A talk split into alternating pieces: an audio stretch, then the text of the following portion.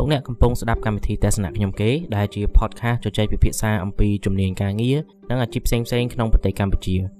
លោកអ្នកអាចស្វែងរក podcast នេះបាននៅលើ Apple Podcast, Google Podcast និងនៅលើ YouTube បើសិនជាមានចម្ងល់តាក់ទងជាមួយនឹងការងារផ្សេងៗឬការងារដែលលោកអ្នកកំពុងធ្វើលោកអ្នកអាចផ្ញើជាសំណួរចូលមកកាន់គេហទំព័រទស្សនៈខ្ញុំគេនៅលើ Facebook ហើយខ្ញុំនឹងរៀបចំជាចម្លើយជូននៅចុងសប្តាហ៍រៀងរាល់ថ្ងៃអាទិត្យបាទអញ្ចឹងដើម្បីកុំឲ្យខាត់ពេលយូរយើងចូលទៅកាន់អេពីសូតថ្ងៃនេះតែម្ដង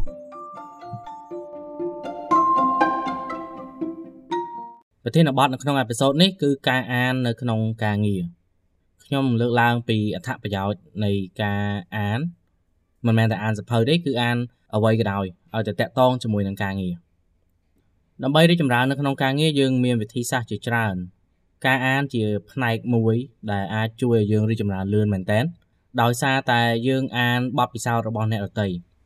យើងអត់ចាំបាច់ធ្វើខ្លួនឯងទាំងអស់ទេ មានចំណេះដឹងខ្លះយើងអាចយកពីអ្នកដទៃមកដើម្បីជៀសវាងការខាតពេលទៅលើកំហុសផ្សេងផ្សេងនៅក្នុងការងារនៅពេលដែលយើងចំណាយពេលអានអ្វីដែលអ្នកដទៃសរសេរ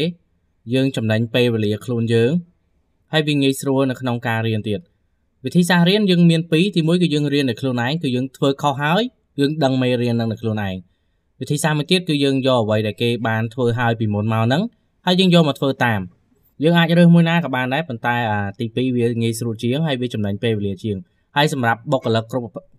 គ្រប់ផ្នែកទាំងអស់អាការចំណេញពេលវេលានេះវាជាជំរើសល្អមួយសម្រាប់ខ្លួនយើង manager របស់ខ្ញុំម្នាក់គាត់ធ្លាប់និយាយថាមូលហេតុទី1ដែលធ្វើឲ្យបុគ្គលិកអាចចាប់យកការងារបានលឿនគឺពួកគាត់មានទម្លាប់អាន ក្នុងនាមយើងជាបុគ្គលិកគឺយើងចំណាយពេលអានសភៅតាក់ទងជាមួយនឹងជំនាញការងាររបស់យើងហើយនឹងអានអត្ថបទដែលគេសរសេរអាកន្លឹះខ្លីៗតាក់ទងនឹងស្អីដែលយើងកំពុងតែធ្វើហ្នឹងមានច្រើនមែនតើនៅលើអ៊ីនធឺណិតទោះបីជាយើងអត់ចំណាយលុយដើម្បីអានអា premium article ក៏ដោយក៏យើងនៅតែមានអត្ថបទ free អានដែរ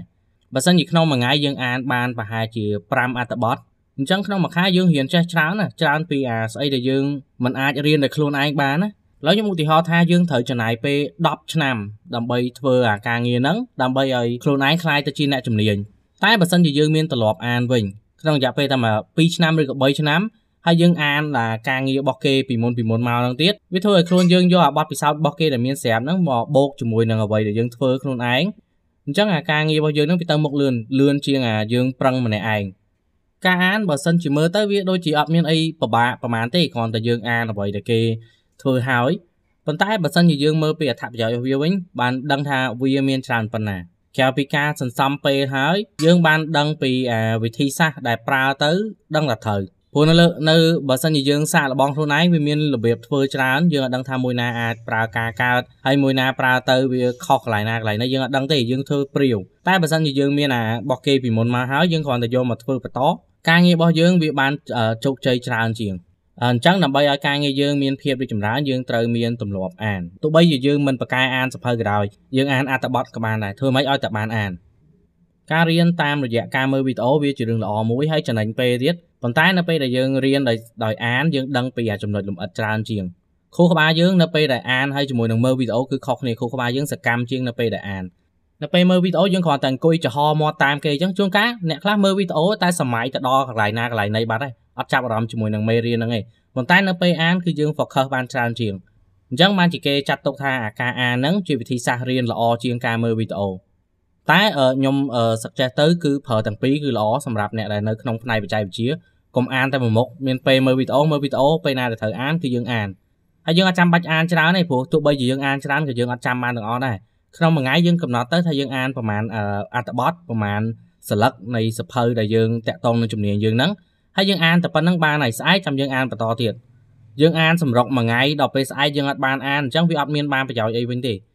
យើងខានអានតែពីរថ្ងៃយើងភ្លេចអាស្អីដែលយើងអានពីម្សិលមិញហ្នឹងបាត់ហើយអញ្ចឹងគឺបង្កើតត្រឡប់អានត្រឡប់អានពីតិចទៅច្រើន